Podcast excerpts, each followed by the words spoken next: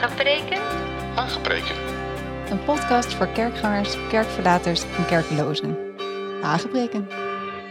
In een onzekere wereld waarin veranderingen elkaar versneld opvolgen en ons samenkomen, zingen en beleven steeds vaker onder druk komt, is een bijbelse koershouder een must en een kompas.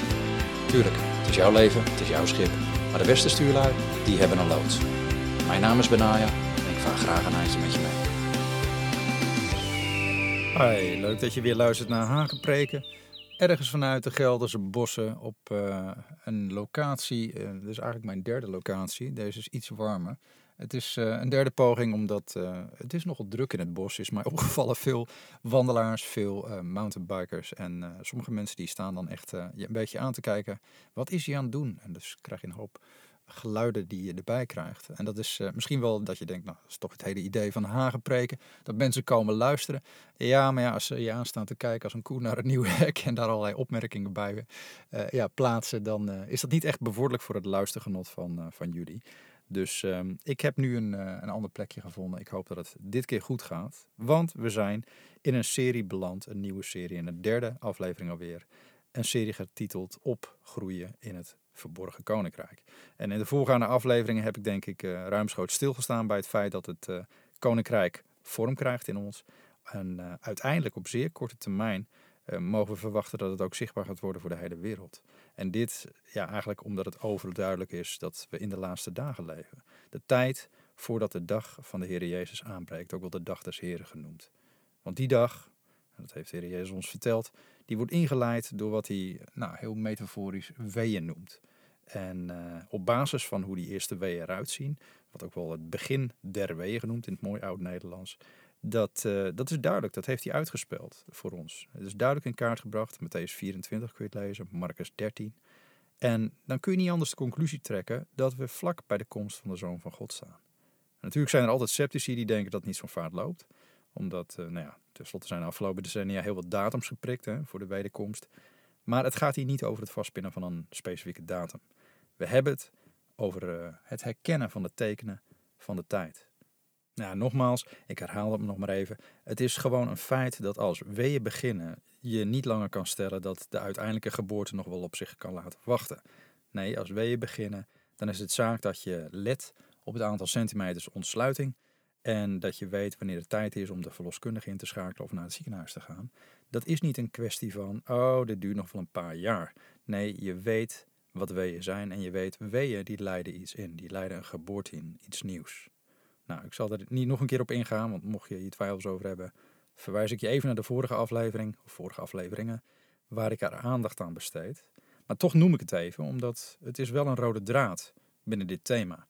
Uh, kijken wat er voor nodig is om op te groeien in dat koninkrijk van God, dat binnenkort zichtbaar zal worden. En heel specifiek, wat is daarmee essentieel om deze laatste dagen sterk voor de dag te komen op die dag van de Heer Jezus Christus? Nou, afgelopen keer ben ik al ingegaan op waar het opgroeien in Gods koninkrijk begint. En dat is namelijk een diep besef van geliefd zijn. Geliefd door een hemelse Vader die wil dat niemand verloren gaat, maar dat ieder mens behouden wordt. En dat is ook de reden dat hij nog steeds wacht. Hij geeft zijn zoon nog steeds niet de go-ahead, maar hij blijft uitreiken in liefde naar iedereen, gered of niet gered. En dat besef dat God liefde is, 1 Johannes 4 vers 8, en in liefde zich nog niet uitspreekt in oordeel, zoals wel zal gebeuren als hij terugkomt. Openbaring beschrijft dat Jezus terugkomt met een zwaard uit zijn mond, wat bespreekt een oordeel. Dat besef is nodig om te begrijpen dat het geen desinteresse of hardheid is van Gods kant. Hij wil een einde maken aan alle onrecht en ellende in deze wereld, maar hij zwijgt nu nog steeds. Hij zwijgt in zijn liefde over ons, hè, zoals Vanje ook zo mooi zegt. Hij wacht, hij wacht, hij wacht, totdat het onmogelijk wordt om zichzelf verbeeld te zien in de mens als beelddrager. En ook daar ben ik vorige keer op ingegaan. Gewoon even terugluisteren als het je boeit. Maar dat is Gods kant van het verhaal. Voor ons is het lastiger, want wij hebben geen keus dan gewoon te wachten tot hij het initiatief neemt. En dat is, dat is moeilijk, dat is best moeilijk. En dat wordt ook zwaarder naarmate het einde van alles nadert. Want het wordt er gewoon niet beter op. En dat weten we ook. De liefde verkilt. Mensen zijn fundamenteel liefhebbers van zichzelf. En onrecht lijkt alleen maar toe te nemen om ons heen. En als je dan moet wachten, ja, dan is het wel zaak dat je hart bewaakt boven alles wat er bewaken valt. Wil je daar nog leven uit kunnen putten, zoals Spreuken 4 vers 23 zegt. Want het feit is wel, een langgerekt hopen, en dat zegt de Bijbel ook, kan inderdaad het hart ziek maken. En ook dat zien we meer om ons heen. De kerk, in het Westen tenminste, loopt leeg. Mensen die jarenlang met God hebben gelopen, hebben hem inmiddels de rug toegekeerd. Er zijn ook anderen die distancieren zich heel bewust van het christelijk geloof, omdat ze het ervaren als een, nou ja, een subcultuur of een, iets wat te bekrompen is in beleving. Vaak zie je dan wel dat ze zich vanaf dat moment enkel nog als spiritueel beschouwen. Dat is een hele populaire term. Ik ben spiritueel, ben niet christelijk. En dan hangen ze wel allerlei pseudo-mystieke of Oosterse filosofieën aan. Of soms blijven ze juist wel nog christen, maar dan integreren ze allerlei mystieke, occulte technieken in hun geloofsleven. En vaak uit een hangen naar het bovennatuurlijk, omdat ze meer willen ervaren, zonder bewust te zijn van de wortel of de gevaren van bepaalde handelingen of denkwijzen. Dan zijn er ook anderen weer die zijn gewoon teleurgesteld in de kerk. Of in medechristenen. En die houden daar God verantwoordelijk voor. Ja, kortom, er een tal van manieren hoe we als mensen proberen te compenseren voor een stuk hoop die uitbleef. Maar hoop is wel degelijk fundamenteel een onderdeel van het opgroeien in Gods koninkrijk. Hoop doet namelijk leven. En als de Heer Jezus de weg, de waarheid en het leven is, ja, dan kan het niet anders of hoop is onlosmakelijk verbonden met wie Hij is. Maar dat gezegd, het is wel bijzonder dat Bijbelse hoop is wel heel iets anders dan Nederlandse hoop, zeg ik altijd. Want in de Nederlandse taal is hoop vaak eerder iets vaags, hè, iets onzekers. Zo van, ik hoop maar dat dit en dit gebeurt. Of ik hoop maar dat het goed gaat. En dat is een schril contrast met wat Gods woord ons laat zien over hoop. Want telkens wanneer het woord hoop wordt gebruikt, spreekt dit juist van een kracht die wordt geactiveerd in ons binnenste en juist niet van een ja, twijfelend verlangen of een wens. Zoals David bijvoorbeeld zegt in Psalm 38: Op u, Heere, hoop ik. U zult verhoren, mijn Heere God. Of in, Psalm 39: Wat verwacht ik, Heere? Mijn hoop die is op u. En zelfs als hij het even kwijt is en, en overmand wordt door emoties, dan spoort hij zichzelf aan in hoop en zegt: wat, wat, wat buig je je neer, mijn ziel? Wat ben je onrustig in mij? Hoop op God, want ik zal hem weer loven voor de volkomen verlossing van zijn aangezicht. Hè? Psalm 43 is dat. Hoop is dus niet een wens in de Bijbel, maar een duidelijke verwachting wat zal gaan gebeuren. Het is een kracht die je doet doorzetten, hoe moeilijk het ook wordt in je leven. En dan begrijp je ook waarom Paulus zegt in Romeinen 5 dat hij zegt: Wij roemen in de hoop op de heerlijkheid van God. En dit niet alleen, maar we roemen ook in de verdrukkingen, omdat we weten dat verdrukking volharding teweeg brengt. En volharding ondervinding. En ondervinding hoop.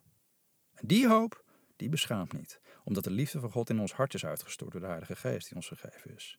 Oftewel, als ik het even mag samenvatten, in plaats van dat we geïntimideerd worden door verdrukking, verwelkomen wij dit omdat we weten dat we hierdoor leren volharden. En die volharding, die zorgt weer voor ondervinding, of een betere vertaling zou zijn ervaring.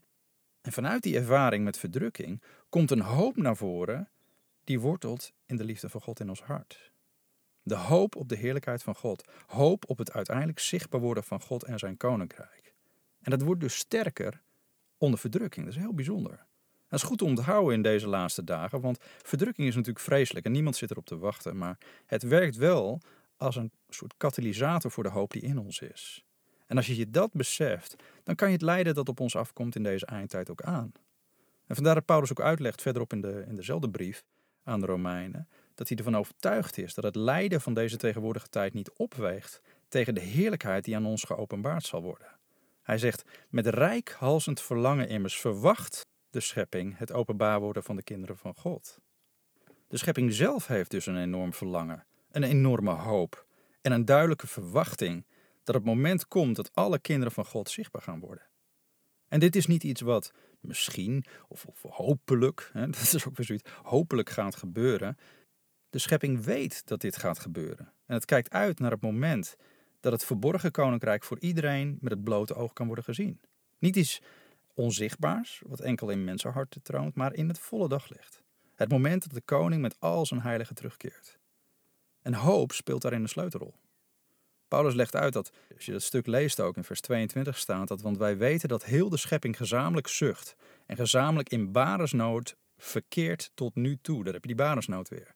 En dat niet alleen, maar ook wij zelf, die de eerstelingen van Gods geest hebben. Wij zelf zuchten in onszelf. In de verwachting van de aanneming tot kinderen, namelijk de verlossing van ons lichaam. Want in de hoop zijn wij zalig geworden. Een hoop die nu gezien wordt, ja, dat is geen hoop. Immers, wat iemand ziet, waarom zou hij dat nog hopen? Maar als wij hopen wat wij niet zien, dan verwachten wij het met volharding. Nou, dat zegt Paulus. Met volharding verwachten of hopen, dat neemt een cruciale plek in wat betreft het moment dat het koninkrijk vanuit de verborgenheid, de baarmoeder als het ware, als ik het zo mag zeggen, vanuit de harten van Gods mensen, uit die verborgen sfeer komt en het daglicht ziet. Dat de dag van de Zoon des Mensen aanbreekt. En dan zie je dat hoop houdt vast aan iets wat onzichtbaar is. Het is als een anker dat grond vindt in diep water, waarvan je niet kan zien hoe of waar of aan wat dat anker zich precies vasthoudt. Maar het zit vast. Het is een anker. Het vindt grond.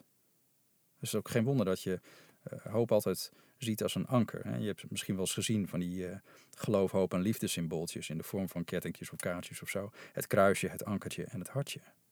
Het is een anker. En je hoeft niet per se te zien waar dat anker achter haakt. Je hebt alleen nodig dat die ankerplaats vast en zeker is. Want dat zorgt er namelijk voor dat je een zekere ja, interne rust krijgt, zodat je weet dat je niet op drift raakt. Dat de stormen in dit leven je niet zullen breken of van koers doen gaan, zodat je verkeerd uitkomt. Je ziel heeft dat nodig. Je ziel heeft die rust nodig in tijden van verdrukking.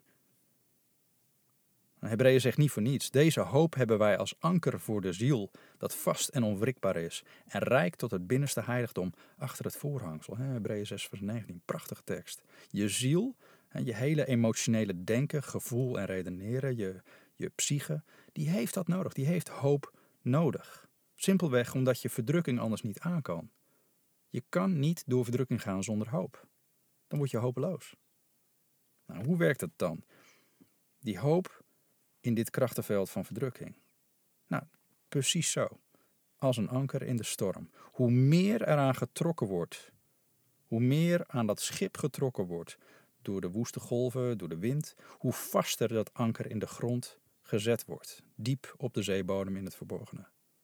Oftewel, het anker geeft de rust dat de storm kan worden doorstaan. En tegelijkertijd zorgt die storm er juist voor dat het anker nog steviger komt te zitten. Dat is heel bijzonder. Die twee werken op elkaar in. Maar die verdrukking, ja, dat is, dat is heel divers. Is niet altijd te reduceren tot mensen die in het leven staan omwille van je geloof. Verdrukking komt in allerlei vormen in dit leven. Misschien denk je daar niet zo over na. Misschien denk je, ja, dat gaat alleen over vervolgde christenen. Maar wij als christenen allen lijden verdrukking. Misschien ervaar je zelf wel druk omdat je, nou ja, bijvoorbeeld omdat je al heel lang werk probeert te vinden, maar dat lukt gewoon steeds niet. En je raakt ontmoedigd en je begint te twijfelen aan jezelf en wat je kan. En andere mensen hebben er ook een mening over. Of verdrukking komt in je leven omdat je, nou, omdat je bijvoorbeeld ziek bent geworden of gehandicapt. En je verlangt er wel na om beter te worden, maar je, je ziet het niet gebeuren. En mensen om je heen beweren dat je in een ontkenningsfase zit. Je moet gewoon accepteren waar je bent. Als een soort blinde Bartimeus. Je moet je lot accepteren. Maar dat wil je ergens niet. Het leidt tot verdrukking. Je ziel komt in het nauw. Of misschien voel je je wel eenzaam en lijkt het alsof iedereen om je heen een maatje heeft gevonden, maar dat jij je hele leven alleen zult blijven.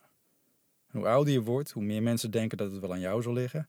Dat je misschien te kieskeurig bent of ja, misschien niet sociaal vaardig genoeg of, of hulp nodig hebt. Of misschien dat je wel worstelt met uh, homoseksuele gevoelens. Of, en als dat het niet is, dat je waarschijnlijk door God bedoeld bent om vrijgezel te blijven. Met, en dan heb je vast een speciale gave. En het brengt allemaal nog meer druk in je leven, want je hebt wel je gevoelens en je hebt wel je verlangen. natuurlijk zeg je tegen jezelf dat je hoopt dat je een keer wordt aangenomen voor die baan, of je hoopt dat je sneller opknapt of geneest, of je hoopt dat je uiteindelijk iemand tegenkomt die jou als levensmaatje wil en jou alleen. Maar eigenlijk is het meer wishful thinking. Het is geen echte nou, wat ik zou willen noemen, bijbelse hoop. Het is niet een anker waar je op kan boeken. Het is meer, ja, hoe zou ik het noemen, meer een, een staatsloterijhoop. Zo van, je hebt een lot gekocht, maar diep van binnen weet je dat de kans eigenlijk groter is dat je niets wint. Je wenst natuurlijk wel dat het anders is en dat je wel een keer wat wint, maar eigenlijk, het is niet een serieuze verwachting van, nou, daar kan ik op boeken. Dat gaat ook gebeuren. Op den duur gaat dat gebeuren. In plaats van dat de verdrukking in je leven je hoop vaster maakt, ontmoedigt het je. En dat doet je ziel wel op drift slaan. En dit is hoe mensen na jaren hun geloof kunnen laten varen. Dan maakt het langgerecht hopen het hart ziek, omdat het niet echt een ankertype hoop is, maar nou ja, een staatsloterijhoop. Ik hoop dat je ziet hoe cruciaal hoop is. Soms denk ik wel eens dat ja, wanneer de vaak geciteerde en verbeelde termen uit 1 Corinthië 13 worden genoemd, hè, dat geloof, hoop en liefde verhaal, dat hoop zwaar wordt onderbelicht. Meestal wordt gauw gesprongen naar de conclusie, maar de meeste van dit is liefde. En ook met geloof weet menig prediker wel raad wat onderwijs betreft, maar hoop, ja, dat is een beetje zo'n ondergeschoven term. Wat vager. Maar liefde is onlosmakelijk verbonden met beide. Want geloof is het vertrouwen in degene die je lief hebt, maar hoop is de verwachting op degene die je lief hebt. Misschien moet ik het nog een keer zeggen. Geloof is het vertrouwen in degene die je lief hebt, maar hoop is verwachting op degene die je lief hebt. Dat zegt Hebreeën ook. Hè? Geloof is de zekerheid, de vaste grond van de dingen die men hoopt en het bewijs van de dingen die men niet ziet. Met andere woorden, je kan niet eens tot geloofzekerheid komen als je geen hoop meer hebt. Je zal geen bewijs vinden als je dingen die je nu nog niet ziet, überhaupt niet verwacht. Maar wat verwacht je dan? Wat verwachten wij in het verborgen koninkrijk? Waar hopen we dan op als we opgroeien in Gods koninkrijk? Nou, David zegt het heel treffend. Hij zegt: Ik verwacht de Heer, Psalm 130. Ik verwacht de Heer, mijn ziel verwacht hem en ik hoop op zijn woord. Mijn ziel wacht op de Heer meer dan wachters op de morgen. Hoop is dus in eerste instantie een wachten. Een wachtend element zit ingebed in die hoop. Maar dat wachten is dan wel een verwachten. Dus niet zomaar een passief wachten, terwijl je het aantal bakstenen op de muur telt of zoiets. David vergelijkt het met wachters op de morgen. Zoals wachters vroeger op de stadspoorten stonden en de aflossing afwachten en de dageraad in de gaten hielden omdat die de wisseling van de wacht aankondigde, zo is ons hopen ook een actieve houding. Wachters kunnen niet slapen. Die mogen niet slapen. Zoals ik in de eerste aflevering van het seizoen al deelde, de kerk, in, juist in deze laatste dagen, zal gekenmerkt worden door een inactieve hoop. Door mensen die in slaap zijn gesukkeld. Als meisjes die begonnen met wachten op de bruidegom, maar in slaap zijn gevallen. Nou, en als je wachten niet langer verwachten is, dan val je in slaap. Of dan word je afgeleid of, of verleid door de roes hè, uh, van de slaap of van de monotonie van elke dag of dronkenschap. Waar ook de Heer Jezus ons voor waarschuwde. En ik noemde dat vorige keer, dat hij zei van wees op je hoede dat je hart niet op enig moment bezwaard wordt door roes en dronkenschap of door zorg over alledaagse dingen. Dat die dag, de dag van de Heer Jezus, u niet onverwachts overkomt.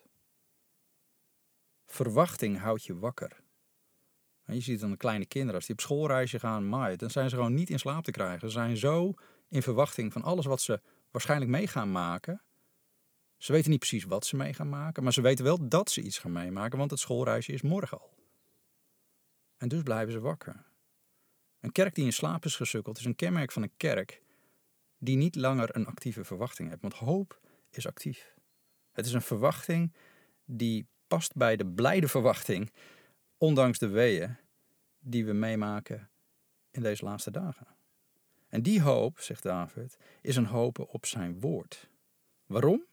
Nou, omdat het woord van God eeuwig is. Omdat het woord van God vaststaat. Daar kun je op boeken. Vandaar dat Paulus ook zegt in Romeinen 15, want alles wat eertijds geschreven is, is tot onze onderwijzing geschreven. Waarom? Opdat wij in de weg van volharding, daar zijn je stormen, en vertroosting door de schriften de hoop zouden behouden. Dan wil je hoop houden, wil je de moed niet verliezen en kunnen volharden in deze tijd, dan is het van belang om een prioriteit te maken om met regelmaat het woord van God tot je te nemen. Nou, het kan allereerst door het geschreven woord, hè, wat in de Bijbel staat, wat in het Grieks aangeduid wordt met, met logos. Het geschreven woord, dat is zeker. Dat is al opgetekend. Dat wordt al millennia lang gebruikt als een bron van troost en hoop. Dus daar kun je boeken. Dat staat vast. Maar het kan ook, wat de Bijbel noemt, het rema, het gesproken, het geopenbaarde woord van God aan jou. Aan jou persoonlijk. En dat is minstens zo belangrijk. In de afgelopen 30 jaar dat ik christen ben, heb ik zelf ontdekt dat zelfs al heb je maar één woord van God, dat kan je zo ver trekken, zoveel kilometers geven. En het kan je zo doen volharden door moeilijke perioden in je leven, dat het elke keer weer mijn voornaamste anker werd om me af te vragen, wat heeft God gezegd? Wat zegt God over de periode of over de situatie waar ik nu in zit? En hoe vaak kwam ik dan wel niet op het punt van radeloosheid als ik niet de stem van God kan horen? Hè? Zoals David het uitschreeuwde, hè? Psalm 28. Hè? Uh, ik roep tot u, Heer, mijn rots, hou, hou, hou u niet doof voor mij. Want als u zich stilhoudt, ja, dan ben ik net als de mensen die in de kuil neerdalen. Met andere woorden, als we het gevoel hebben dat God niet meer luistert en dat wij zijn woorden niet meer horen, ja, dan zijn we net zoals de mensen die verloren gaan zonder God. Vandaar dat ik ook deze hagepreken begon met wat ik geloof dat het belangrijkste is voor de mens, namelijk het kunnen verstaan van de stem van God. Dat is seizoen 1. Hè? Dat, dat is namelijk ook het, um, ja, wat ons onderscheidt van andere religies en stromingen. Ik heb het vaak gezegd, want iedereen heeft zo'n feestjes, zijn boeken, zijn geschriften, zijn spirituele ervaringen, et cetera. Maar wanneer wij bidden tot de levende God die het hele universum heeft geschapen, dan praat hij terug. Menig moslims is er doorgeschokt, dat kan niet, haram, dat, dat doet hij alleen met profeet. Nee, hij praat met een ieder. En heel persoonlijk, op een heel persoonlijk niveau. En telkens weer blijkt dat hij betrokken is bij ons leven tot op de kleinste details. En soms komt dat eng dichtbij, maar dat maakt hem ook zo overweldigend, ja, ontzagwekkend als onze schepper en heer van alles. En ik heb in de serie Verstaan van Gods Stem, hè, seizoen 1 van Hagepreken, ook tal van voorbeelden gedeeld over hoe God sprak en hoe zijn woord mij droeg door bepaalde perioden in mijn leven. En soms waren het korte woorden als, nou, bijvoorbeeld een woord als kijk en leer. Of simpelweg wacht, nog niet alles staat klaar. En andere keren waren het profetische woorden of dromen die de gedachten en de wegen van God voor mijn leven uitspelden. Maar het werkte wel als een anker. Soms heb je ook maar één anker nodig. Het was een woord van God vaak, wat mij verder trok. In moeilijke tijden, in uitdagende tijden, spannende tijden. Tergen trage en ontmoedigende tijden. Dat ene woord, daar putte ik dan hoop uit. En het gaf mij het vertrouwen dat God bezig was. Heel bewust op de achtergrond, onzichtbaar voor mij, maar toch gestaag werkend aan iets. En dat heb je nodig in deze laatste dagen. Dat heb je nodig als je opgroeit in het verborgen koninkrijk. Want zonder hoop komen we niet veilig door de storm. Zonder hoop, zonder verwachting, actieve verwachting, is er ook geen mogelijkheid tot het inzetten van geloof. En geloof, wat ook kan worden vertaald met vertrouwen, zoals het Griekse woord pistis zegt, dat stoelt op hoop. En we hebben dat nodig dus. Onvoorwaardelijke vertrouwen in de liefde van God. Dat hij wacht in zijn liefde totdat zoveel mogelijk mensen gered zijn. Maar ook de hoop, die niet vaag is, maar die houdt als een anker in de storm, die onze ziel tot rust brengt, omdat we weten, we zijn veilig, er komt iets aan. Niet onzeker misschien, ik hoop het wel, nou ja, wishful thinking. Nee, een zekerheid. Nou goed, genoeg gezegd dit keer. We zijn alweer over de 20 minuten, waartoe ik deze podcast probeer te beperken per aflevering, maar, maar ik hoop dat je er wat aan hebt. Of beter gezegd, ik verwacht dat je er wat aan hebt. Volgende keer wil ik kijken naar hoe geloof inhaakt op je verwachting en op de hoop in Gods woord. Want ook dat is een cruciaal onderdeel hoe het verborgen koninkrijk functioneert. En uiteindelijk zichtbaar wordt en ook tastbaar wordt nu. Nu al, aan deze kant van de eeuwigheid, in je leven. Nou, tot die tijd, blijf koers houden, blijf luisteren. De volgende keer navigeren we verder. Heb je vragen, aanvullingen of opmerkingen? Surf dan even naar saintk9.com. Dat schrijf je op zijn Engels saintk9.com. En vul het vragenformulier in op de contactpagina. Je kan deze podcast ook sponsoren, wordt erg gewaardeerd. Kan via Ideal of PayPal via dezelfde site saintkenaan.com. Dankjewel.